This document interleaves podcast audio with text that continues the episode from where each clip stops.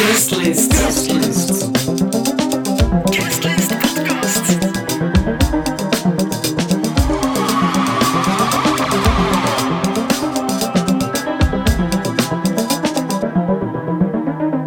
Hey, hallo, het is mei intussen. En zoals je weet, elke eerste woensdag van de maand zet ik jou met heel veel plezier op de guestlist. En zo krijg jij een blik achter de schermen van de Ancien Belgique. In de zaal is het op dit moment nog even pijnlijk stil, maar eh, dat lossen we op met deze podcast. En als je nog niet geabonneerd bent op Guestlist, wel, doe dat dan even. Dan ben jij elke maand mee met het wel en wee. En in mei, dat is in Brussel de Pride Month. En daarom kleurt deze aflevering ook in een prachtige regenboog. Want we gaan namelijk dieper in op queerness in muziek en nightlife. En dat doe ik met Hendrik van Vice en met Jessica van Mothers and Daughters. Verder ook een muzikale tip. Die krijg je van Jan de Lichtman. Die eh, ja, hier in AB de grootheden in de zaal doet glitteren en glinsteren. En we sturen ook muzikant Jawad naar een opvallend concert. We hebben het ook over, jawel, test-events. Zijn die overrated of underrated? Dat krijg je allemaal te horen in deze vierde aflevering van Guestlist. Maar eerst, hoe was het daar nu in die Nouvelle Belgique? Was die digitale zwangeregie ook zo in vorm als anders? Of heeft hij al die servers letterlijk getrashed? Ik vraag het aan onze reporter ter plaatse. En het was niemand minder dan singer-songwriter Sam de Nef. Hallo, dag Sam de Nef. Hey, Hey, hey, dag Sam. Goedendag. Ja, ben je al een beetje bekomen van eh, het concert waar ik jou naartoe heb gestuurd? Het was ehm, een, een, een veel besproken concert, denk ik. Zowel eh, de aanloop ervan als de afloop. Het was zwangeregie digitaal in Ancien Belgique. Hoe is het geweest? Komen heeft lang geduurd. nee, het was. eh, ja, ik geraakte daar zo eerst niet in. Zoals blijkbaar bij veel mensen of zo, dat er zo'n probleem was met die server. En ik, allee, zo elke keer als ik die avatar maakte, dan komt ze daar zo in en dan na vijf seconden viel dat zo uit. Ah. En dan viel mijn computer uit. Ehm, dus dat, allee, ik, kon, ik kon het eigenlijk niet op de manier volgen waarop dat ik het had moeten volgen. Maar dan had, ik zo, dan had ze mij zo'n eh, YouTube-link gestuurd. Ik heb dat via daar moeten volgen eigenlijk. Aha. Ik heb niet de full, full experience gehad, maar ik was wel echt aangenaam verrast Ja, je hebt dus wel een paar keer een avatar kunnen aanmaken. Eh, hoe, hoe zag jouw avatar eruit? Heel goed eigenlijk elke keer. Daar was ik niet veel mee natuurlijk. Maar ik heb dat dus samen, ik heb dat samen met mijn vriendin gekeken en mijn, mijn beste vriend. Ik had ons helemaal geïnstalleerd met een beamer en zo. Aha. Dus dat was wel stom dat dat niet lukte, maar uiteindelijk, ik weet niet, ik vond dat echt nog wel, ik vond dat echt wel nice eigenlijk. Ik was echt wel mee.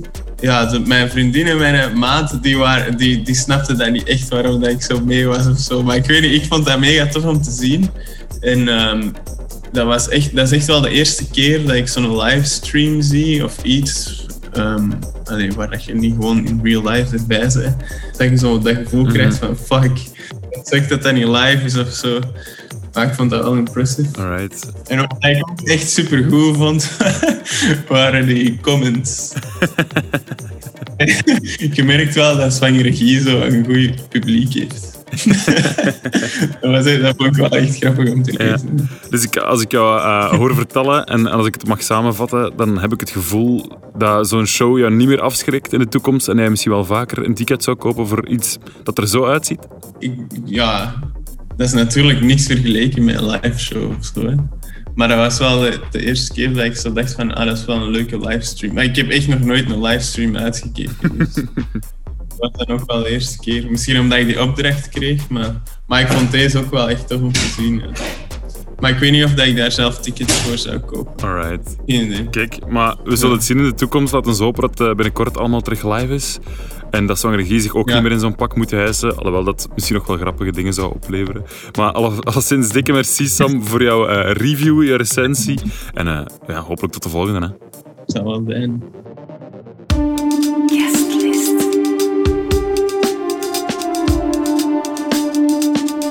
Dat het nachtleven en de gay scene hand in hand gaan, dat is iedereen al echt wel eens opgevallen. Maar hoe komt dat eigenlijk? En is dat enkel zo in de nachtclubs of is dat ook zo in de popmuziek? Het is een goede vraag. Hoe queer is de muziek? Of vooral toch, ja, hoe is queerness en muziek met elkaar gelinkt? En wat is die queerness ook weer? Genoeg om over te praten dus met Hendrik Wittok. Hij is journalist en marketingmanager bij Vice België, het online platform waar muziek meer dan eens passeert. Goedemiddag, dag Hendrik. Goedemiddag. Goedemiddag. Je hebt er uh, al een heel avontuur op zitten met de trein. Je bent naar hier gekomen, maar... Het viel mee hoor. Oké, het is ik, heb- ik was gewoon even, het is al, we werken al ja, eh, meer dan een jaar thuis en ik was even vergeten hoe, ehm, Ja, hoe slecht dat ik ben en zo de treinen opvolgen. En, de pendelpret, Ja. die heb je weer mogen ondervinden. Kijk, ja, we gaan het niet hebben over eh, de NMBS en eh, aanverwanten vandaag. We gaan het hebben over ehm, ja, muziek en queer culture. eh, uitgebreid en, en, en specifieker. Maar misschien is het interessant, voordat we eraan beginnen, om nog eens die queer culture, het begrip queer of, of queer culture in het algemeen, om dat nog eens te definiëren, te kaderen. Wat is dat juist? ja. Wel ja, die term, het is ook iets dat ik gevraagd had om op voorhand eens even te, Ja. te duiden, omdat dat toch een term is die dan niet voor iedereen, ehm, niet door iedereen even dankbaar gebruikt wordt. Mhm. Eh, voor mij, ik gebruik het graag omdat ik het een heel open begrip vind. En ook een begrip dat ja, radicaal inclusief wil zijn. Ehm, dat iedereen kan zich in principe identificeren als queer op een of andere manier anders dan de norm. Eh, kan gaan over seksuele oriëntatie, kan gaan over uw genderexpressie. Ehm, maar ja, bon, het, het feit dat dat zo radicaal inclusief is, is ook voor sommige mensen minder ideaal, omdat ehm, je daardoor ook wel riskeert dat er minder zichtbaarheid is voor de meer onderdrukte groepen binnen de queer communities. Mhm. En ehm, ja, ik denk dat dat dan ook wel een terechte kritiek is. En dat dat ook Het iets probleem is van een containerbegrip dat er... Ja, absoluut. Je, je bent journalist bij Vice. Ja. En als journalist dachten we, jij bent misschien wel de geschikte persoon om eh, een boek toe te schuiven. We hebben dat dan ook gedaan. Het is een boek van ehm Sasha Geffen, Glitter Up the Dark, How Pop Music Broke the Binary. We hebben jou dat laten lezen. Eh, om te beginnen heel kort, over wat gaat het boek en wat, wat maakt het zo relevant? Ja, het boek is eigenlijk een ehm, soort van geschiedenis van de manier waarop de, het, ons bina, binaire wereldbeeld eh, heeft ver- gebroken, verbroken. Mhm. Ehm, en het gaat eigenlijk. Popmuziek is breder opgevat dan enkel popmuziek. Het gaat over eigenlijk populaire muziek meer. Ehm, dus ja, verschillende dingen komen aan bod. eh. dus, en het is ook niet de bedoeling dat een soort van. Het is ook geen chronologisch overzicht of zo, Mhm. want er zijn natuurlijk eh, evoluties die zich voordoen los van elkaar of Mhm. tegelijkertijd. Elk hoofdstuk focust op een ander aspect Ja. Die popmuziek of popculture. Ja, en het gaat echt over zo, ja, breaking the non-binary. Het gaat erover van hoe dat die popmuziek of die popcultuur invloed heeft gehad over hoe dat wij kijken naar bijvoorbeeld een begrip als queer of naar homoseksualiteit of lesbisch. Ja, Eh, ja, vooral ook. Ja, Er is een grote focus op genderexpressie en over eh, op, op eh, trans artists. Ehm, ja, ik vind het is echt zo'n boek dat geschreven is in 2020. Ja. Eh, met een, een, een moderne bril ja, eigenlijk gekeken naar die geschiedenis. En dat is heel verfrissend, omdat ehm, er wordt ook echt wel... eh, het is een beetje ere wie ere toekomt. Ehm, en ook op, op zwarte artiesten ligt er een grote focus Mhm. op. Maar zelfs ook op nog meer niche-artiesten die niet noodzakelijk in de mainstream hebben doorgebroken, maar die wel echt een grote invloed hebben gehad op popculture. Je zegt meteen, het is heel 2020. Ja, Ik vind het grappig dat je dat zegt. Allee, grappig. Misschien ook ergens een beetje pijnlijk. In 2020 praten we daarover, 2021 ook nog meer. Er, er gebeurt van alles, er wordt veel over geschreven, bij Vice onder andere ook. 20, 30, 40, 50 jaar geleden was dat wel een totaal ander Mhm. beeld. En, en er was gewoon een andere manier van hoe er naar gekeken werd. Dat staat ook, denk ik, in dit boek wel heel duidelijk. Wat is, wat is het grootste verschil? Dat, dat we, is dat echt die openheid om erover te praten nu? Mm, ja, en ik denk ook het internet, social media, MTV, eh, die, die shift in, in culture en is ook zeer belangrijk. En ik denk het gatekeeping aspect. ehm, ja, ik denk Met dat... gatekeeping bedoel je dan dat er nu andere mensen doorgeefluik zijn dan dat er vroeger waren? Ja, en ook dat bijvoorbeeld meer mainstream journalisten ook minder belangrijk zijn Ja. voor eh, het succes van artiesten. Dus wordt ook een, een groot deel wordt ook gewijd aan MySpace en hoe MySpace eigenlijk eh, voor heel veel artiesten toen het mogelijk maakte om een groter publiek te bereiken, wat dat daarvoor niet mogelijk was, omdat er moest iemand in geschreven pers over uw album Ja, ja. schrijven voordat dat, dat dan ook echt eh, ja, naar een groter publiek door kon breken. En ik denk dat dat een grote shift is. eh. Mhm. Ja, het is natuurlijk ook... Allee, je moet er maar documentaires bij halen van de laatste 20, 30 jaar. Dat zijn heel vaak blanke, hetero mannen die een verhaal vertellen over iets dat gebeurd is in de muziekgeschiedenis. En die volgen elkaar op eh, hoofd na hoofd. Dat is het passeren in van die documentaires. Dit boek probeert dat dan anders te doen, om, om figuren daar eh, uit te lichten die minder aan het woord komen. Hoe belangrijk is dat, denk jij, niet enkel voor geschiedenischschrijving, maar ook voor, voor mensen in de queer community om, om dat aan te passen, om een andere manier te vinden? Ja, ik denk heel belangrijk, maar gewoon omdat representatie ook zo belangrijk is. Ehm, en een boek zoals dit, dat dan ook echt een soort van eerbetoon is aan die pioniers, ehm, ja, is heel, ja, heel verfrissend, heel fijn. Ehm, ik denk dat zo het documenteren van die strijd, niet Ja. altijd bedoeld als een strijd, Nee, nee, nee. ehm, dat dat zeer belangrijk is. Relevantie creëren eigenlijk is wat je doet dan. Ja, relevantie creëren of een soort van legitimiteren. Ja, ja, en, ja. Dat, dat is, eh, en dat dat dan ook iets is wat dan een soort tijdsdocument kan zijn en eh, een nieuw narratief dat verteld eh, kan worden en kan blijven verteld worden. Ja. Het boek bespreekt verschillende periodes waarin dat er tegen de heilige huisjes werd geschopt, om het eh, met zo'n uitdrukking te zeggen.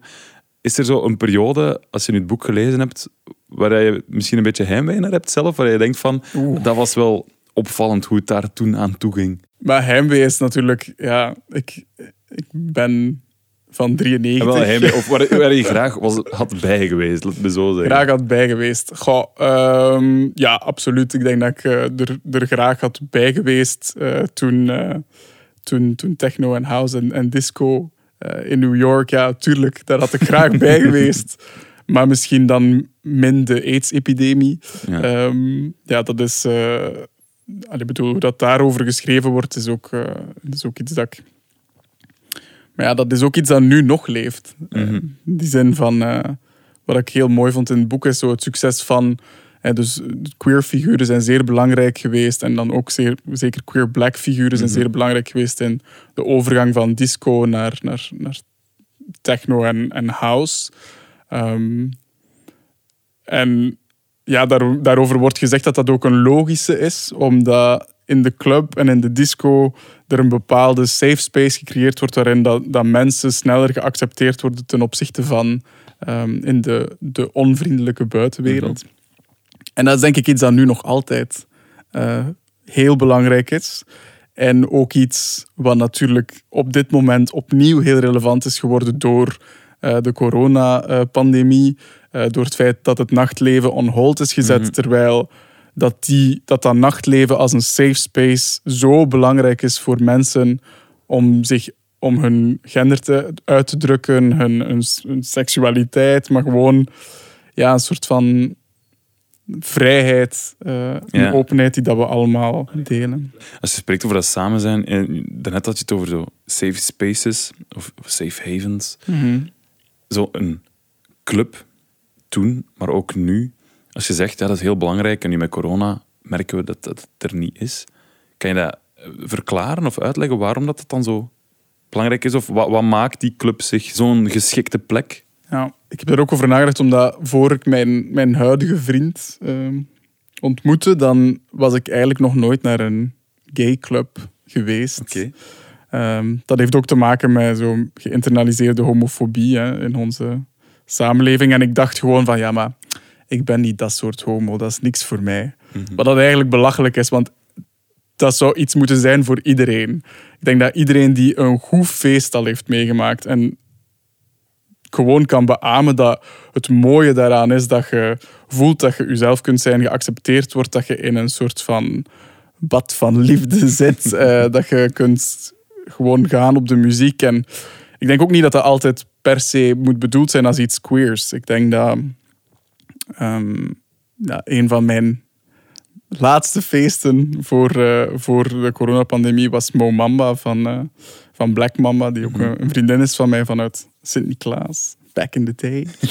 Ehm, en zij had een feest georganiseerd in een club in Gent, Amigo, super klein. Mhm. Maar ik vond dat zo geweldig, omdat de muziek eh, ook al ja, zo is Black Mamba niet queer. Eh, die muziek was wel queer in een zekere zin. Mhm. Omdat dat ook gewoon iets is dat niet zo vaak... Allee, wat ze met dat concept deed, was wel echt introduceren van, van nieuwe genres en global club music, zoals ze het dan noemden op dat moment.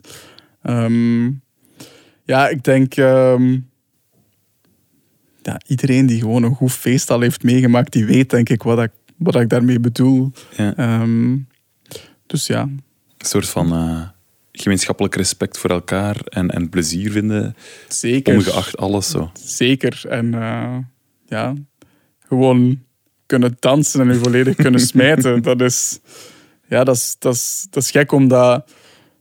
Allee, ik spreek dan voor mezelf. Als je opgroeit als queer man, Mhm. dan kun je heel hard de, de druk voelen om, je, om te voldoen aan bepaalde genderstereotypen. Mhm. En eh, dansjes doen of huppelen of pirouettes, dat mag niet. Ja, ja.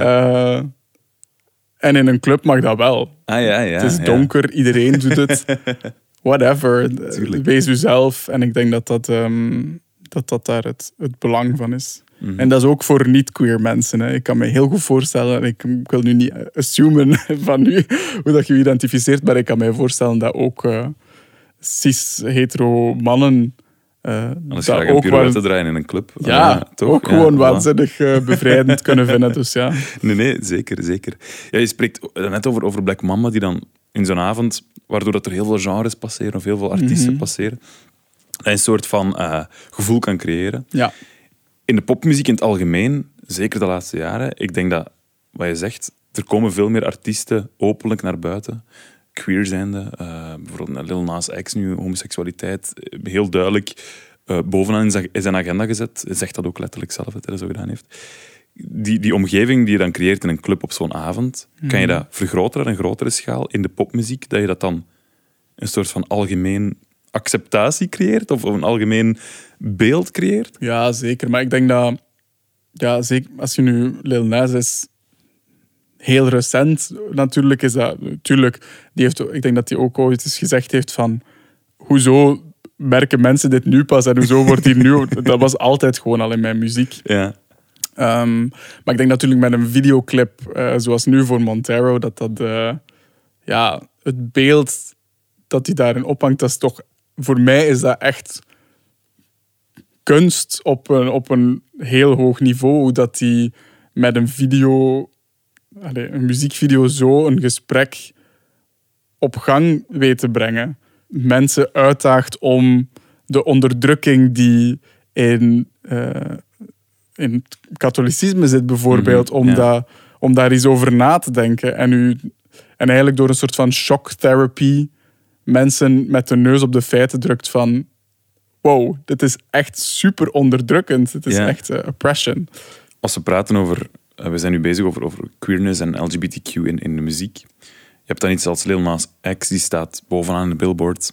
Het is, ik verwijs vaak naar Lil Nas X, omdat dat een heel duidelijk is een voorbeeld zeer, is. ja, Het is heel ook- aanwezig op dit ja, moment. en- Ja, heel nu, hè, ja. Is, is het gevaar dat dat dan iets wordt, dat wordt afgedaan als een gimmick en iets apart en een, en Ja, maar dan hebben mensen het niet begrepen. Hè. Ja? Dat is, ik denk, het gevaar bestaat erin zo bij doorbreken naar de mainstream. Ehm, mensen houden echt van dat hokjesdenken. Ja, wel. En ook al breekt je uit zo'n hokje door de kunst die je maakt, dan zal die mainstreamcultuur er weer zijn om u opnieuw in een hokje te steken. Mhm. Maar dan eentje dat op uw maat is. Ja, want het, lijkt mij dan, het laatste wat je wilt, is dat er binnenkort op Spotify een categorie staat LGBTQ+. Waar je dan op kan klikken en dan... Of Goh ja, aan de ene kant wel, maar ik denk dat nog even daarop terug. Ik denk als, als een andere pionier zoals, zoals Mickey Blanco bijvoorbeeld. Mickey Blanco is een artiest die, ja, die, die zichzelf ook constant opnieuw uitvindt. ja, En dan kan het gebeuren dat sommige mensen zeggen van... Wow, maar jij bent toch... Nee, nee, nee, je bent toch een, een, een drag queen en je maakt Ja. toch hip-hop en zo. Ja, op een bepaald moment heeft die artiest dat gedaan en dan nu Niet doet hij weer iets anders. Ja. Dus, dus laat, laat die kunstenaar ook gewoon die kunst maken. Ehm, en dan de vraag over, over, die, over die categorie, die ja, playlist. je spreekt over hokjes, denk ik. Aan de ene kant merk ik dat dat belangrijk is heel vaak, omdat, om, om iets eh, aan te geven, iets duidelijk te maken, iets onder de aandacht te brengen. Maar aan de Mhm. andere kant zorg, zorg je er misschien voor bij een publiek dat minder mee is met die, met die noden, dat het gewoon een hokje wordt. Ja, ik denk, het mag geen voyeurisme worden. Hè. Het mag niet zo zijn van, oké, nu gaan we eens even daarnaar luisteren. En dat, dat, is dan Ik heb vandaag LGBTQ Ja, geluisterd. precies. Ja. Maar, ehm, dat gezegd zijnde, eh, is het ook wel een hele laagdrempelige manier voor jonge Mhm. queer mensen om te weten Nee, klopt. Ja. wat er is, wat er leeft, eh, op een gemakkelijke manier artiesten te ontdekken die, waar zij zich mee kunnen identificeren. En ik denk dat dat heel belangrijk is. Ik denk dat eh, niet iedereen heeft het geluk om meteen een soort chosen family te vinden die hen alles leert over eh, queer history en, de, en queer muziek en queer, queer cultuur. Mhm.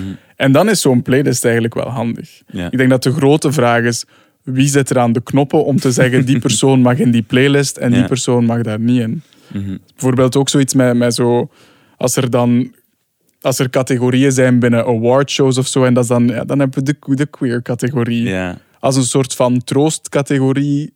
Ja, ik bedoel, op zich is het heel goed om, om mensen uit die communities te vieren, Mhm. omwille van hun talent. Maar waarom kan dat dan ook niet in, die, in gewoon de mainstream categorie, ja. de hoofdcategorie? Ja. Ik denk dat dat bijvoorbeeld ook iets is, een kritiek die, die vanuit eh, black communities heel hard is gekomen op termen zoals... we hebben het voilà. erover gehad in de vorige podcast. Ja, met, eh, urban ja, inderdaad. Dat, dat is ook gewoon zo'n soort van troostcategorie. Mhm. Terwijl artiesten die zo een stempel drukken op, de, op cultuur, zoals Mhm. bijvoorbeeld een een Beyoncé, om maar iets te noemen, dat die een prijs zou krijgen binnen zo'n categorie, maar dan iemand anders, voornamelijk vaak een witte persoon in, in de mainstream categorie, dat is toch echt, dat is echt te belachelijk voor woorden. en ook wie beslist dat? Ja, ja, natuurlijk. Ja. Ik denk dat het zeker geen probleem is als om mensen te, te vieren en een soort van, van eerbetoon te brengen. Maar ik denk dat mensen zich ook altijd bewust moeten zijn van het feit... Wij hebben, wij hebben die... Ja, het is dubbel, want aan de ene kant wil je natuurlijk wel die appreciatie. Mhm. Maar we hebben ook die categorieën niet nodig om, Nee. om, om talent binnen queer communities zelf te vieren. ja. Dus wees blij dat je, het mocht, dat je er mee deel van mocht uitmaken. Dat je mee kunt leren van, van die pioniers. Mhm. En dat is ook niet alleen op vlak van queer artists. Hè. Dat is op heel veel vlakken. ja. Maar wees niet, te niet zo arrogant om te denken dat, dat zij bestaan omwille van u. Ja. Ja. Zij bestaan eigenlijk ondanks u. Mhm. soort van. Mhm. Niet u. Ik, Ik voel me heel angst. Jij. Nee, nee, nee. Je bent zelf journalist, je doet marketing dan, dan bij Vice eh, ondertussen ook. Wat neem jij bijvoorbeeld uit dit boek, maar in het algemeen nu mee, uit, uit, uit die inzichten, dingen waar je nu over gesproken hebt, om dat dan actief mee aan de slag te gaan? Want ja, uiteindelijk, bijvoorbeeld nu, we zitten hier in een huis als Ancien Belgique, een heel groot ja, een instituut, kun je wel noemen. Het gaat altijd in een lange geschiedenis. Ook een geschiedenis uit die rockcultuur, die vaak heel macho, mannelijk was, 7 jaar 70, 80. Hoe kunnen we dat... Is er iets wat jij meeneemt dat je denkt van, ja, hier, er, er kan wel... Daar denk ik aan, of daar werk ik aan, of... Ik vind het moeilijk, want ik denk bijvoorbeeld ook wat dat over, over rock, rock heel mannelijk, dat is eigenlijk ook, valt eigenlijk ook mee. Hè? Iets wat ik heel verfrissend vond, eigenlijk, waar ik zelf nog nooit zo over had nagedacht. Maar eh, ik kom dus uit Sint-Niklaas. En toen ik in het middelbaar zat, dan waren daar, ja, ik denk dat dat altijd opnieuw gebeurt, maar toen waren, was een hele grote groep van, van punkers. Was ook de tijd dat emo een soort mainstream was. Ehm, maar ook ja, zo wat meer zo poppy rockmuziek, Ja, ja. whatever. En dat werd inderdaad, toen leek dat super mannelijk. Mhm. Maar ik keek daar wel naar op en niet noodzakelijk omwille van de muziek, soms ook door de muziek. Maar ik bedoel, er, is, er zijn weinig subcu- subculturen, tussen haakjes, eh, zo queer als punk of als, als emo of ja. rock. Want de mensen die dat daar met de plak zitten, dat zijn vaak ook mensen die zich zeer bewust zijn van de manier waarop dat ze zichzelf presenteren naar de buitenwereld. Ehm, die vaak ook ehm, ja, experimenteren met genderexpressie. Eh haren verven, nagellakken voor, nagelslakken voor, voor punkzangers, voor, voor emo. Ik bedoel, ja, dat is eigenlijk ook queer. En Ja. echt ook goede punk is ook heel queer. En ik denk dat ook in dat boek dat, dat een soort van reclaimed wordt. Zeker ook bijvoorbeeld grunge. Ik weet echt heel veel ehm, hetero klasgenoten toen, die waren echt zo, ah, Nirvana, hè, met hun t-shirts en, en al, die, al die shit. Maar eigenlijk wordt door dit boek, wordt in dit boek ook eh, Kurt Cobain soort reclaimed als een soort van eerste ja, non-binaire spokesperson. En ik denk dat misschien toen op dat moment die taal daar nog niet was. Of dat begrip, of dat, dat queer identity studies nog niet zo ver geëvolueerd waren. Maar als je er achteraf naar kijkt, dan is dat ook wel gewoon zo. En dat is ook denk ik de reden waarom dat zoveel jonge mensen die, die muziek steeds opnieuw herontdekken. Omdat daar gewoon echt heel veel interessante lessen in zitten over, ja, over gender en over seksualiteit en over de rol van man en vrouw of alles daartussen in onze samenleving. Dus dat, ja. ehm, dus ik denk misschien dat wat dat mensen moeten beseffen is. Claim het niet allemaal voor, voor, de, voor de mainstream eh, eh, populatie. Ehm, wees u bewust van wat dat we als samenleving op, als, op vlak van cultuur te danken hebben aan queer stemmen, zwarte stemmen, trans stemmen. Pay homage to them in, a, in a way. Ehm, die bewustwording, denk ik, is zeer belangrijk. En dan ook, neem dat mee, neem die liefde voor die muziek mee naar buiten. Mhm. En wees dan ook zo, allee, be as accepting voor de mensen die geen artiest zijn en geen muzikant zijn, maar wel met diezelfde, eh, met diezelfde, zich kunnen identificeren met die identiteiten en met die, die, die manier van denken. Ja, ja. Diezelfde gevoeligheden eh, ook herkennen. eh, Ja. Elders, denk ik dan. Ja. Ja. En, en de mensen herkennen. Ja. Het lijkt mij een heel interessant boek voor iedereen die eh, de popgeschiedenis is op een net iets andere manier Ja. eh, wil bekijken. En, Zeker. en, en wil bekijken, omdat het er ook gewoon zo was, altijd geweest is. Eh, Glitter Up the Dark, How Pop Music Broke the Binary heet die van Sasha Geffen. Dikke merci, Hendrik, om, om het boek te lezen en om er zo geïnteresseerd en interessant over te praten. is graag gedaan. Bedankt ook voor de uitnodiging. Ik vond, ik vond het fijn om er eens over te kunnen praten. Alright, we zitten in de helft van deze episode en ik ben heel erg blij dat jij luistert. Moest jij zelf ook nog blij zijn dat je luistert, eh, ik mag het hopen alleszins, dan is het misschien leuk om deze aflevering te delen in je stories op Instagram. Ja, of eh, eender waar, waar jij het maar wilt. Hoe meer zielen, hoe meer vreugd. Maar goed, laat ons verder gaan, want het is iets waar we plots weer heel wat over horen. Test-events. Door middel van speciaal georganiseerde evenementen kunnen we kijken of er weer meer mogelijk is in de live sector en dus ook live muziek bijvoorbeeld. De KVS die deed het een tijdje terug als eerste, maar die test-events, het is niks nieuws. Hè. In Nederland gaan ze er al volop voor en wordt het door het publiek zelfs gezien als een oplossing om nog eens goed te gaan feesten. Een weekje terug, eind april dus, besloot ik om wat mensen op te bellen. Want hoe zit het nu eigenlijk met die test-events? Irene Rossi is programmator van het Brusselse festival Couleur Café. Mike Naert, dat is de man achter het depot in Leuven en ook woordvoerder van het live sectoroverleg hier in België. Esselie Beert, dat is muzikante, je kan haar kennen van The Enter King. En Willem van de Sande, dat is de man achter de concertreeks All Eyes on Hip Hop en boeker bij Busker Agency. Dus als zij het niet weten, wie dan wel? Ik belde hen op met de vraag: test-events, overrated of underrated?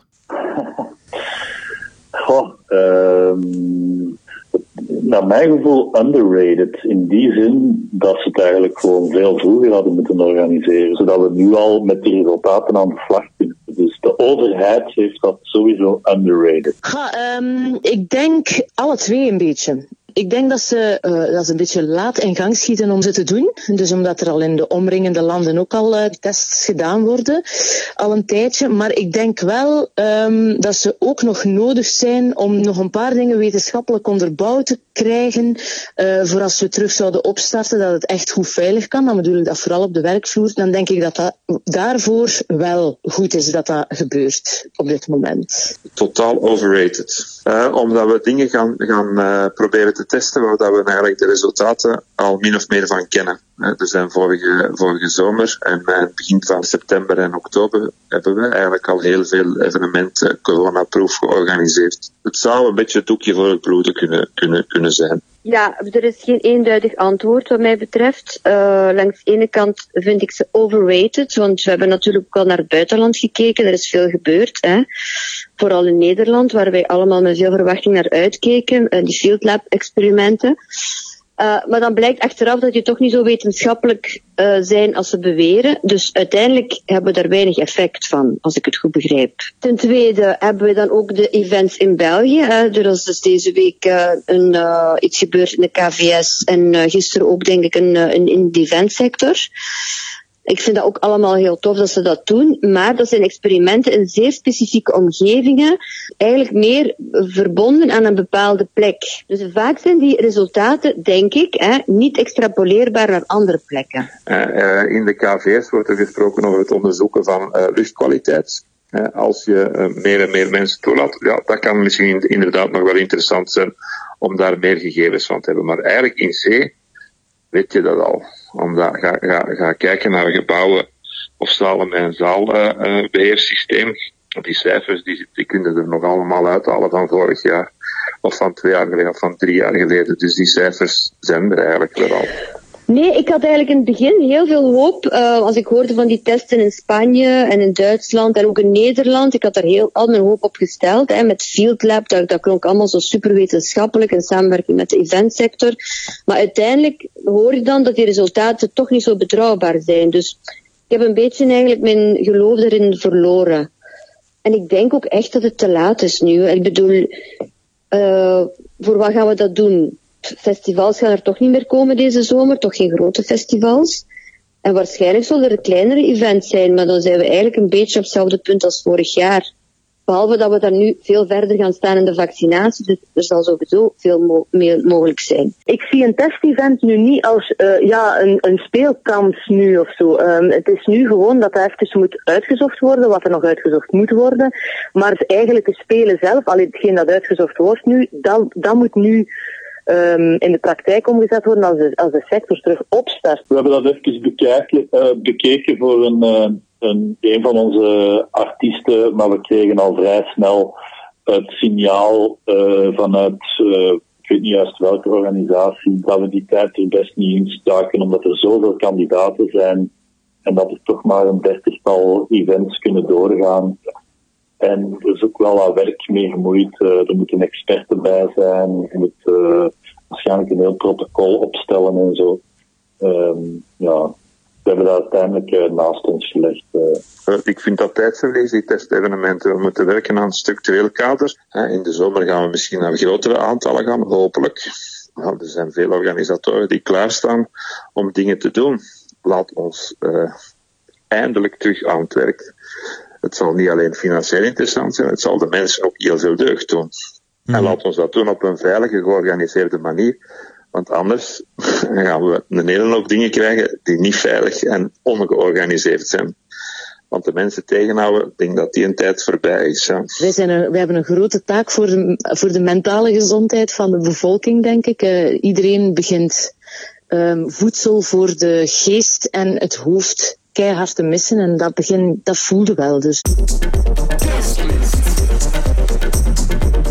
Maand is Pride maand. En dit jaar draait alles rond de hashtag WeCare. Zorg dragen voor ieders fysieke, maar zeker ook mentale gezondheid. Daarnet had ik het met Hendrik al over queerness in de muziek en uh, hoe je je verder kan uitdrukken in de muziek die je maakt of in het nachtleven court. En dat lijkt ergens voor liggend, maar met de hele coronapandemie en het sluiten van de clubs en cafés is het dat eigenlijk niet meer. En dat terwijl die plekken zeker en vast bijdragen tot een gezondere samenleving, want als je jezelf kan uiten, dan voel je je beter. Jessica Gijzel is een van de mensen achter de lesbian en transbar Mothers and Daughters, die elke zomer hun bar openen in Brussel. Dag Jessica. Rick. Hallo. Jessica, je bent in Ancien Magique. Is dat lang geleden voor jou dat je hier bent binnengestapt trouwens? Ja, eigenlijk wel. Ja, ja. Ik kan me niet meer helemaal herinneren. Ik ben hier, eh, denk ik, twee jaar geleden. Ja, Dus ja dat is al het is eigenlijk al van voor corona. eh, was ik hier voor Ja, eh, ja. de queer... ah, het was geen queer, maar dat voelde wel een beetje zo'n scene-market. was Oké. ik hier. En Ja, ja. zo op een, op een zondagnamiddag was dat. Ja.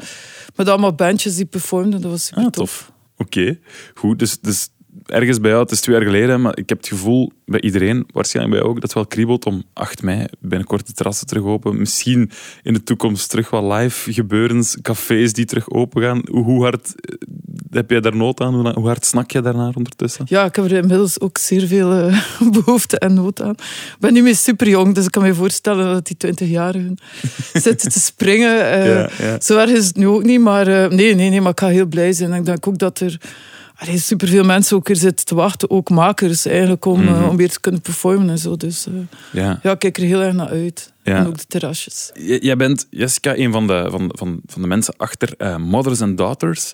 Dus ik ga het even een concept noemen, omdat het is een beetje... Het zijn verschillende dingen, maar het bekendste hier in Brussel al sinds is dat jullie een, een, een bar hebben uitgebaat in de zomermaanden. Een een lesbian en transbar, Ja, zo is het gedoopt. Kan je anders even uitleggen wat dat juist is en wat jullie ermee mee doen of gedaan hebben? Ja, ja zeker. Ehm, het heeft eigenlijk wel een driejarige geschiedenis inmiddels. Mhm. We hebben eh, drie edities gedaan. De eerste, en dat is wel grappig, de eerste is eigenlijk gekomen eh, op verzoek van de Beurshouwburg in eh, 2017. Oké. Die, eh, ja, die had eigenlijk gevraagd aan mijzelf. Ik maak ook een, eh, een queer, eh, lesbisch, trans, feministisch eh, kunsttijdschrift. Dat heet Girls Like Us. En toen dachten we, ja, we kunnen weer zo'n soort filmprogramma doen of een eh, talkshow of whatever.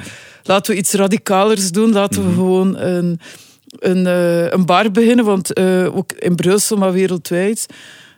zijn eigenlijk die lesbische en gay bars en, en, en queer bars eigenlijk... ja, op, dat gaat niet zo heel goed, eigenlijk door, eh, door verschillende redenen. We hebben dat dan drie keer gedaan in december, drie vrijdagavonden. En wel met... eh, allee, we hebben toen echt ook afgedwongen om de bar echt te kunnen overnemen. Dus we hadden ook ander personeel. Eh, we hadden een andere prijsvoering, we hadden andere drankjes. Ja. Alleen een, deel, een gedeelte andere dranken, dus dat was super tof. En dat was een, eh, een doorslaand succes eigenlijk. En toen hebben we besloten, oké, we gaan voort. En we trekken het eigenlijk ook los van het tijdschrift. Het wordt gewoon een eh, op zichzelf staande VZ2 en, eh, Ja. en een collectief. We zijn met 13 mensen inmiddels. Ah ja, ik wil ook nog zeggen dat we begonnen eigenlijk als een lesbische bar. Eh, ook omdat eigenlijk dat fenomeen van de lesbian bar, daar is ook heel veel research naar gedaan. Dat is, dat is wel echt een, een ding in, in queer culture. Maar ehm, dat voelde toch een beetje exclusief. Dus we hebben daar eigenlijk nu een, lesbian en trans bar eh, van gemaakt. Ja. Omdat eigenlijk ook heel veel trans mensen in Brussel geen plek hebben binnen die meer eh, mainstream gay eh, cultuur en gay Ja. scene. Dus, dus voilà. helemaal in het begin van je uitleg zei iets van, ja, wereldwijd is dat niet zo gemakkelijk en dat is, dat is moeilijk en er zijn wat problemen met, met ja, gay bars en, en lesbian bars. Hoe zit dat dan juist? Of wat bedoel je daar juist mee? Wel, ik denk, ja, er zijn heel veel verschillende redenen voor. Mhm. Maar veel van die plekken eh, zitten eigenlijk eh, van oorsprong in het centrum van steden. Dus Mhm. die huren zijn eigenlijk wereldwijd eh, in het centrum heel erg omhoog gegaan. Ja. Wat ook ervoor gezorgd heeft dat, ja, dat die huurprijzen... of ja, ik denk meestal was het ook te, zo, te, te hoog waren. Ja. En ik denk dan ook ja, met de komst van internet en andere plekken waar mensen elkaar kunnen ontmoeten, dat, dat er ook minder vraag was. Ja.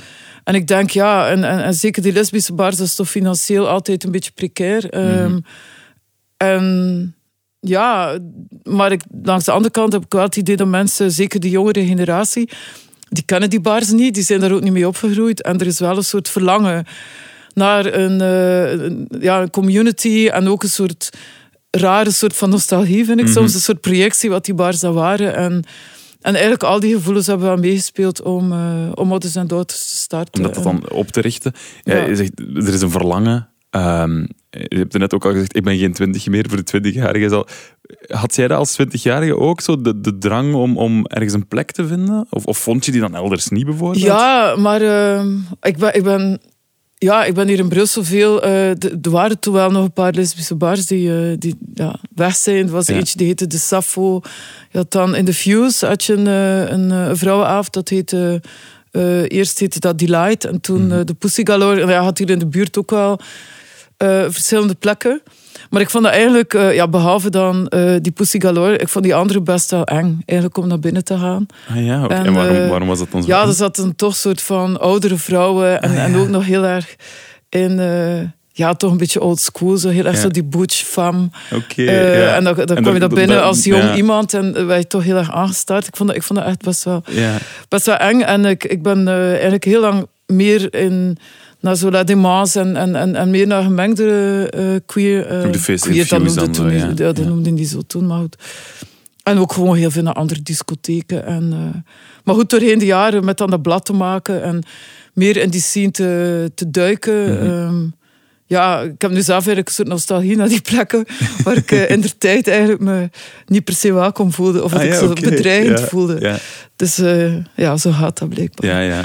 Jullie zijn ermee begonnen met, met Mothers and Daughters in Beurschouwburg. En later een eigen plek. Ging dat allemaal heel vlot en makkelijk om dat dan op te starten? Of, of... Ja, ehm, eigenlijk wel. Vanuit de buurtschouwburg hadden we direct eigenlijk veel, veel, veel eh, productionele support of zo. De plek is er, de techniek is er, de bar is er. Mhm. Ja. Ehm, de eerste keer dat we het echt zelf gedaan hebben, was wel een, zoektocht. We hebben subsidies gekregen, dat was heel prettig. Maar het was wel heel veel, ehm, heel veel fysiek werk. Ah, ja, Eh, die eerste was een oud eh, Grieks restaurant op... ja, ik zeg altijd de komen, hoe heet dat? eh Place Sainte-Catherine, maar dat... Ja, eh, ja, de, hout- baksteenkaai. ja, de baksteenkaai, Ja, dat is het, Keobriek. Ja.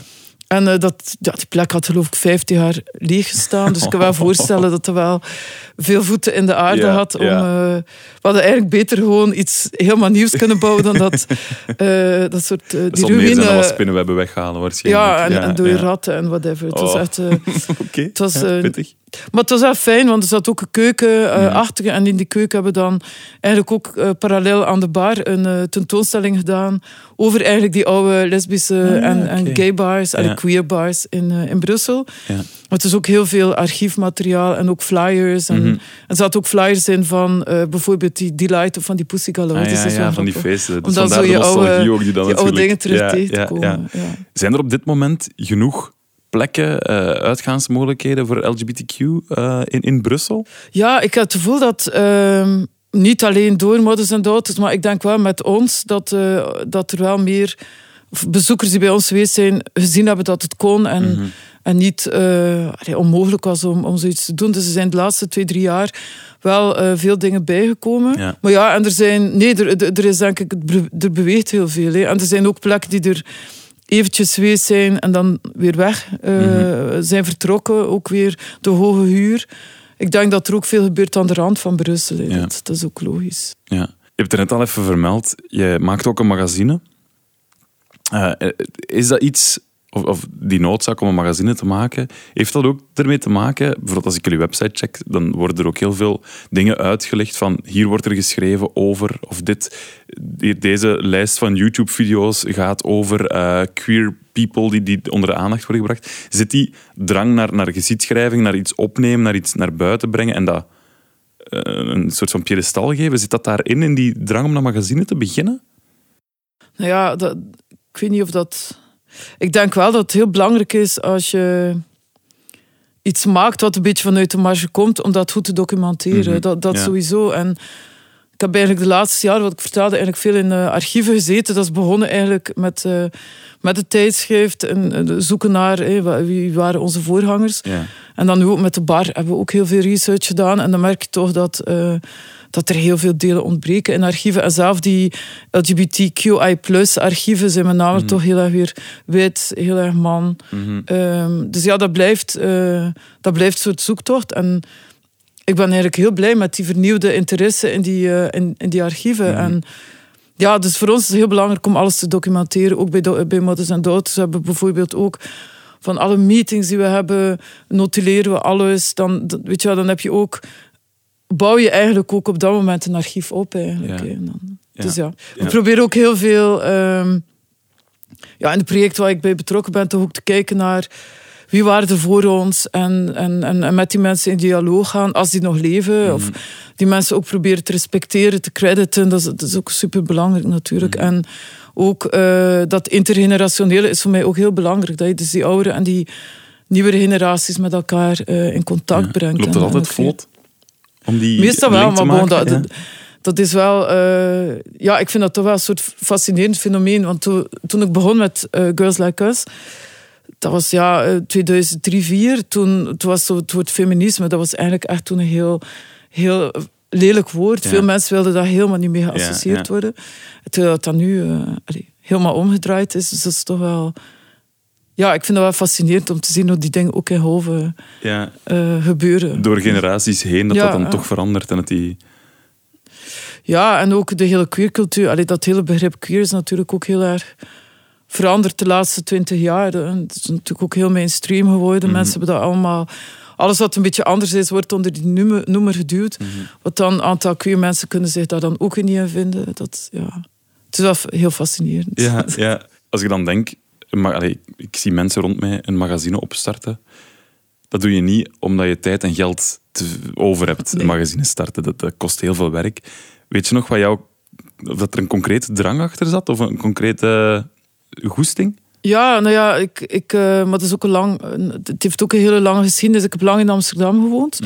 En, eh, en ik heb altijd eh, geschreven, ook voor tijdschriften. Eigenlijk niet Ja. geschreven, ik heb geen boeken geschreven, maar ik heb zo stukjes gepubliceerd Ja. in tijdschriften. En ik zat in een, in een Nederlands tijdschrift, dat heette BLVD, met, met een aantal andere hele creatieve makers. En twee daarvan, die, Gert Jonkers en Job van Bennekom, die eh, zijn ook denk ik 2002 of 2003 een gay zine begonnen. Dat heette Butt Magazine. Dat was zo'n klein eh, roos, zwart-wit eh, geprint ja, tijdschriftje. Ja, ja. En dat heeft heel veel teweeggebracht in die gay community. Dat heeft eigenlijk ook een hele revival aan, aan queer publishing gegeven. En, en ze hebben mij toen gevraagd om daarmee te helpen. Ik heb toen een paar nummers gemaakt, dat heette dan Kut. Dat was dan zo de, de lesbian version eh, van Buit, want toen kregen we ruzie. En dat was heel lastig, want Ja, ze hadden ja. heel veel meningen over van alles en nog wat. En zij wilde eigenlijk, eh, nou ja, misschien is het een beetje off-topic, maar zij wilde... Kijk, in 2000 of 2001 was eh, de, de, de, de, de gay, de mannelijke gay culture was echt super mainstream. Mhm. En toen was het heel erg zo over bodybuilding en gloss en, en, en allemaal zo dit soort dingen. En zij vonden dat er ja, dat het terug tijd was om het een beetje in de underground te duwen. En, Mhm. en ook te praten over, over seks, maar op een niet zo soort van heteronormatieve body celebrating, eh, weet je wel, zo'n soort eh, cultuur. En eh, dat wilden ze dan eigenlijk ook van mijn tijdschrift. Terwijl in 2000 was zo, ja, lesbische cultuur mega onzichtbaar. Ja. Dus het voelde alsof we dat ik nooit uit, uit een soort marge konden halen. Dus, eh, dus ik had heel veel discussies met hun. En eh, ja, dan ben ik gewoon Girls Like Us gaan doen eigenlijk hoe ik vond dat het eh, moest zijn. Ja. En er is eigenlijk wel, in begin 2000 zijn dan... Toen kreeg je series als de L-Word. ehm, dus ja, de Ellen, eh, die, die, die, die talkshow die dan heel... zij was dan echt een soort rolmodel. Dus er is wel heel veel gebeurd de laatste twintig jaar. En nu denk ik, ja, nu is het wel... de laatste vijf jaar, nu is het misschien wel weer tijd om, Om terug in die underground te, Ah, ja, ja, te ja. kruipen. En, eh, en ik denk dat dat ook wel een soort behoefte weer aan is. Maar goed, Ja. En waarom denk je dat dat belangrijk is om af en toe ook terug die duik te nemen? Ja, om toch misschien... Ja, ik weet niet, underground is sowieso dood. Hè. Dat, eh, dat is toch wat iedereen altijd zegt. Maar ik denk wel ja, dat het wel soms belangrijk is om ook in de marge dingen te kunnen eh, ontwikkelen. En Mhm. dat dat niet altijd direct opgepikt hoeft te worden. En, ja, en, maar goed, dat gebeurt nu nog steeds. Het heeft alleen hele andere kanalen. En, eh, ik wat er op TikTok gebeurt, dat dat misschien vroeger eh, ergens helemaal achter gebeurde. En nu heeft dat direct... Ja, het is gewoon anders. Mhm. Maar ik denk wel, wat ik al eerder zei, dat dat gevoel... die soort, ja, ik weet niet of het nostalgie is, maar dat, dat gevoel van community, ik denk wel dat dat iets is wat de jonge, eh, jongere mensen misschien wel niet kennen op die manier en, en wel behoefte aan hebben. Ah, ja. ja, want als je zegt zo die community, er wordt ehm, in misschien de grotere pers dan of in, in de grotere mediavak, men laat vaak uitschijnen dat zo de LGBTQI gemeenschap dat een homogene groep is. Ja. Maar dat is het niet, hè? Nee, ze willen dat wel graag. Bon, eh, nee, helemaal niet. Dat, ja, en ik vind dat ook heel moeilijke discussies van, Mhm. eh, over mainstreaming en, en heteronormativiteit. En, en nee, die, die groep is heel divers. Dat, Ja. ja. dat is ook zo. En, en ik denk dat eigenlijk het grootste, naar mijn gevoel... Ja, ik vind er zit altijd zo twee delen. Je hebt eh, ja, gay, lesbische... eh, zelfs trans mensen die volgens mij heel eh, heteronormatief willen zijn. Ah, ja, ja. En dan heb je natuurlijk een groep die, en dat is eigenlijk ook de originele definitie van queer, die dat eigenlijk helemaal niet wil en dat Nee. verwerpt en dus ook dat homohuwelijk niet wil. ja, omdat dat toch blijft over een soort dominantie gaan. Ja. En, en ja, dat is wel heel interessant om te volgen. Maar ik zeg, het, ik heb het antwoord ook niet, maar ik vind... Ja, ik vind, ik vind niet dat je het allemaal onder één kam kan scheren. Maar ik weet ook niet of je nu elk... Het is belangrijk om, om al die verschillende groepen te benoemen. Maar het moet ook niet zo'n soort... Ja, te veel in, weer in hokjes Nee, denken vervallen. nee. Want dat is dan ook weer jammer. Ja, want jullie, of, of jij dan met de, de, de initiatieven die je onderneemt met het magazine en met de baard, jullie richten zich wel echt op een bepaalde specifiekere groep. Wat, wat is de reden daarachter?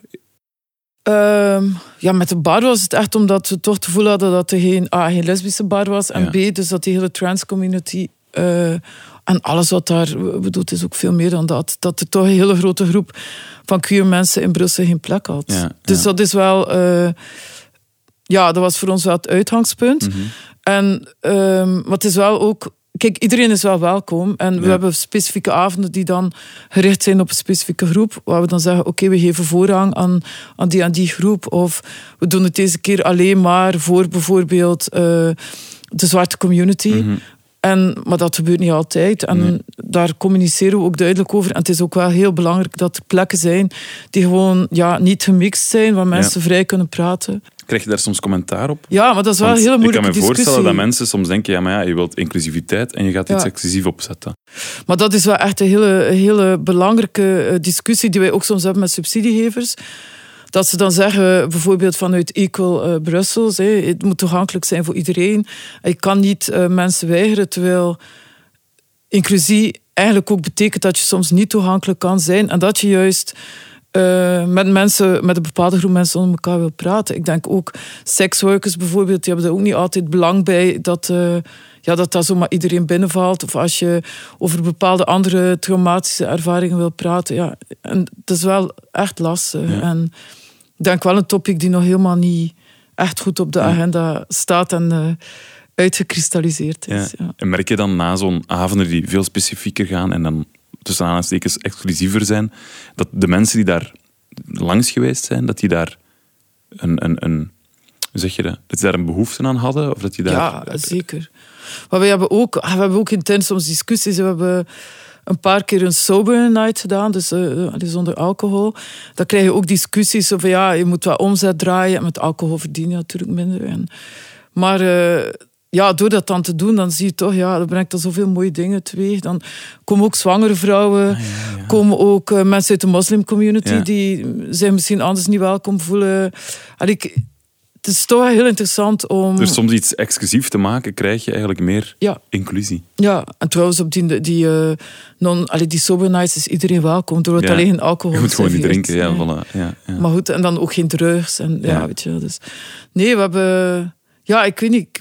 Dat is ook een beetje dat idee toen je zei, ja, het is een bar, maar het is wel meer dan een bar. Mhm. Want het heeft ons ook een soort platform om met dit soort eh, thema's of concepten eigenlijk te, te experimenteren. En toch ook proberen om verschillende ja, sub-communities binnen die queer community een plek te geven. Ja, en, ja. ja. maar dat doet in principe de Rainbow House. In Brussel doet het ook, maar goed, die, ja, die hebben denk ik ook een, ja, misschien meer verplichtingen richting subsidiegevers en zo. We zijn gelukkig wel iets vrijer om Ja. eh, ons ding te kunnen doen. Ja. Dus ja, elk jaar in Brussel is er hier de Pride. Dit jaar is er een eh, thema. Het thema is hashtag WeCare en het focust zich op welzijn en mentale, fysieke en sociale gezondheid. Ja, het is een beetje een tweedelige vra- vraag, maar wordt daar genoeg aandacht aan besteed in, in, in nachtleven op dit moment? En hoe kan een plek zoals die van jullie daar, daar een verschil in maken, denk jij? Zelfs in tijden van corona. Ja, ik denk dat onze plek alles doet om, om juist dat verschil te maken. Ik denk dat dat hele idee van moeders en dochters eigenlijk uit- voortkomt uit, dat, uit een ambitie of een eh, ja, motivatie om, om mensen juist op hun gemak te laten voelen, om mensen zichzelf te kunnen laten zijn.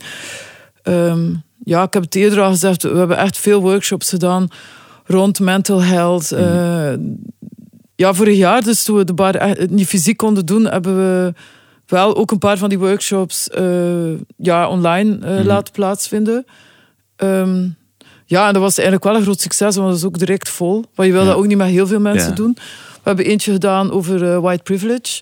We hebben eentje gedaan over ehm, ja, eigenlijk echt mental health, ook van, van, van trans mensen. Dus we proberen ook ehm, ja, richting hele specifieke en de meer kwetsbare doelgroepen daar, eh, daar zeker eh, tegemoet aan te komen. Maar goed, online is altijd minder, eh, ja. minder dan, dan fysiek. Maar ja, beter dan niks. Nee, dus goed dat er deze zomer terug wat dingen kan gebeuren. Mensen elkaar kunnen ontmoeten. Bij jullie concepten of...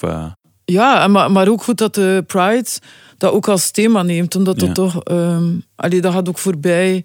Alleen maar dat, eh, dat celebrate en Ja, zo. Dat is ja, natuurlijk ook heel belangrijk. Maar goed... eh, ja, als je mentaal of, of, of fysiek niet lekker voelt, dan, dan kan de rest ook niet gebeuren. En ik Mhm. denk dat dat ook iets is wat eigenlijk vaak toch onderbelicht blijft. Dat Mhm. mensen toch altijd kijken naar het meer eh, flamboyante of zo. En dan eigenlijk Ja. ja. wat eronder zit, ik was niet willen zien. Dus ik denk dat dat heel goed is, dat dat aan bod komt. Goed. Hoe ziet de zomer eruit voor jullie? Gaan jullie terug We gaan dingen opstarten? doen. Ehm, maar heel concreet, we hebben eigenlijk pas twee weken geleden een eerste meeting gehad. Dus er worden nu gewoon een aantal ideeën eh, verder uitgewerkt. Maar ehm, ja, we hebben vorig jaar zo'n zo'n eh, queer eh, boat cruise gedaan. waar we dan eigenlijk van de Brik, eh, de jachtclub in Vilvoorde, tot, eh, tot naast Monique in, eh, in Anderlecht zijn gevaren via het kanaal. Dus we hadden een boot en op die boot, die boot legde dan aan op verschillende plekken. En dat was iedere keer een performance. Dus of op de boot of op, aan de waterkant. Dat was echt superleuk. We hadden echt een groep van 50 of 60 mensen die dan langs de oevers van, van het kanaal meeliepen. Dus dat willen we eigenlijk wel heel graag nog een keertje proberen als het kan. Ehm, we zijn ook bezig met... eh, we hebben eigenlijk vorig jaar een aantal projecten die wij zouden doen. We hebben eigenlijk geld gere- geredistribueerd. Dus we hebben eigenlijk andere kleinere collectieven eh, geld gegeven of gesupport. Mhm. Dus we hebben zo'n t-shirt project waar een deel van ons subsidiegeld weer gegeven hebben aan die collectieven om t-shirts te maken en te verkopen. We hebben een bier gebrouwen met de trans community, dat heet Transition. Oké. Met een brouwerij in Amsterdam, die heet Butcher's Tears. En dat zijn met vier verschillende etiketten. Die zijn dan weer gemaakt door de trans community via een open call. Ehm, ja, dit is soort heel, dingen. heel wat dat aan het gebeuren is eigenlijk, denk ik. eh, ja, we zijn bezig met een dike hike, een een wandeling. Oké. Ehm, God, eh, ja. En nog... maar Door de drukke en, en, en een toffe zomer heb ik erin. Ja, en ook veel, ik denk ook dat we nog wel weer lezingen en performances. Ja, we zijn bezig met Kai Theater om Mhm. een, eh, een soort slam eh, poetry eh, event op te zetten. Maar ja, we zijn ook, net zoals iedereen, toch een beetje. Ja, eh, eh, ja zeg dat? eh, door corona weten we niet zo heel goed wat kan en Ja, wat niet kan. ja. Jessica, dankjewel om langs te komen. Graag heel veel succes en heel veel plezier deze zomer met al jullie eh, projecten. En hopelijk tot de volgende keer. hè. Ja, dankjewel. Wat zouden we toch zijn zonder clubs, bars en vooral ja, zonder muziek? Gelukkig is er van tijd tot tijd nog wel wat te vinden in de vorm van een eh, livestream of zelfs in de vorm van een documentaire. En dat laatste, dat is waar ik deze maand een reporter naartoe stuur. En het is niet de minste, het is Jawad Alul. Muzikant, zanger, theatermaker en danser. Hij bracht recent zijn debuutalbum uit. Hij raakte volle zalen met zijn monoloog De Meisje. En oh ja, hij is trouwens ook host van de podcast De Ochtenddienst van Trix en De Morgen. En hij gaat voor en misschien wel met jou naar een opvallend concert kijken. Hallo, dag Jawad. Dag Riek. Hey Jawad. Alles goed met jou? Ja, ja, absoluut, absoluut. Eh, we blijven bezig en eh, een beetje op survival mode, maar dan ook op happy mode en dan soms chilling mode. Dus het zijn verschillende modussen. Ja, ja, verschillende modische. eh, Het zijn ook verschillende modische eh, die je hebt bovengehaald op jouw album. Want jouw album is toch ook recent uitgekomen, hè? Ja, inderdaad. Eh, 2 april, dus dat is dikke drie weken geleden. Hoe zijn de reacties al geweest tot, tot nog toe? Heel fijn, echt heel, heel fijn. Mensen die ook gewoon getriggerd worden, tot geëmotioneerd geraken, tot ook gewoon complimenten geven over de foto's. Dus heel, eh, heel fijne, diverse berichten. Oké, dus je gaat nog wel eens een plaat maken als het zo zit. Ja, ja, absoluut. Maar ik ga, ik ga even ademen, dat Ja, wel. Ik ga ja. even ademen en aanvoelen eh, waar mijn muzikaal pad eh, mij brengt. Ja, ik bel jou niet omdat ik ga- jou ga laten ademen. Eh, ik ga jouw agenda gewoon nog iets voller steken. Eh Jawad, ik ga je naar een concert sturen. Ehm, het is eigenlijk een, een, een documentaire slash theatervoorstelling slash muziekvoorstelling slash een woord dat waarschijnlijk nog uitgevonden moet worden. Het, ja, het- de mond vol, hè, de mond vol. Het is van eh Heet Chasson. Het heet niet Slash, nee. dat zou heel goed zijn. Dat zou, heel slim geweest zijn. Dit is van eh, Chassol. Ken jij hem? Nee. Chassol is een, eh, een, een Franse, als ik me niet vergis, pianist, eh, jazzmuzikant. En die maakt documentaires, waarna hij dan muziek zet op de stemmen die je hoort babbelen. Dus als ik nu dit aan het vertellen ben, dan zou hij op zijn piano dat aanspelen. Dus heel, heel kort door de bocht, waar dat hij bekend mee is geworden. En nu heeft hij een documentaire gemaakt over Brussel. Eh, het heet Chou van eh Chou de Bruxelles, eh, spruitjes. Dus vandaar een belangrijke vraag voor jou. Lust jij spruitjes, Jawad? Keihard. In de, echt waar. Gekookt of gestoomd en dan in de pan met goede boter en peper Ah, voilà. zout. Perfect, dat is al, dat is al belangrijk. Ja, nee, het is, het is, het is iets, iets apart waar je naar gaat kijken. Hoe, hoe zit dat bij jou met livestreams en zo? Ben jij daar, sta je daarvoor open? Ehm, ik sta daarvoor open als er ook voldoende eh, beweging gebeurt met bijvoorbeeld het camerabeeld. Mhm. Het mag niet gewoon een, een captatie zijn eh, recht op recht. Maar natuurlijk is dat ook moeilijk, want er kruipt ook veel budget in. Mhm, Dus sommige livestreams zijn echt next level. En, en, maar het is gewoon echt een balans zoeken en ook hoe lang blijven mensen kijken. Eh, ik ga zelf ook eh, een, een livestream doen, dus het is, het, is, het is een moeilijke oefening of zo, denk ik. Maar wel een die we moeten blijven proberen. Ja, ja, sowieso. Ik denk dat iedereen al een beetje aan het zoeken geweest is. Hopelijk moet niet iedereen nog zo heel lang zoeken en kunnen we binnenkort terug naar live dingen gaan. Het gaat over Brussel. Ben jij bekend in Brussel? Ken je de stad een beetje? Ik ken de stad ehm, en ik ga binnenkort ook wonen in Brussel. Oeh, welkom. Dank u. Waarom heb je dat beslist? Eh, nood aan anders. Ja, dat, dat krijg je wel in Brussel, denk ik. Elke dag. Ik- Dat gaat ineens een, een titel van een liedje worden, eigenlijk.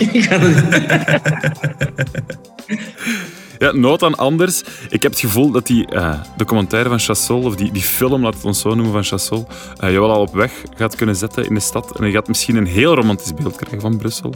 Maar dat lijkt me wel aangenaam. De volgende aflevering hoor ik jou terug. Dan ga jij een eh, review, een recensie doen van dat concert. Maar alleszins heel veel plezier en geniet ervan. En tot binnenkort hier in Brussel. Hè. Ja, merci. Kijk er naar uit. Tot de volgende, Jawad. Eeuw. Chou van Chassol. Te zien op eh, 9 mei via het Kunstenfestival des Arts. Meer info ook op eh, onze website abconcerts.be.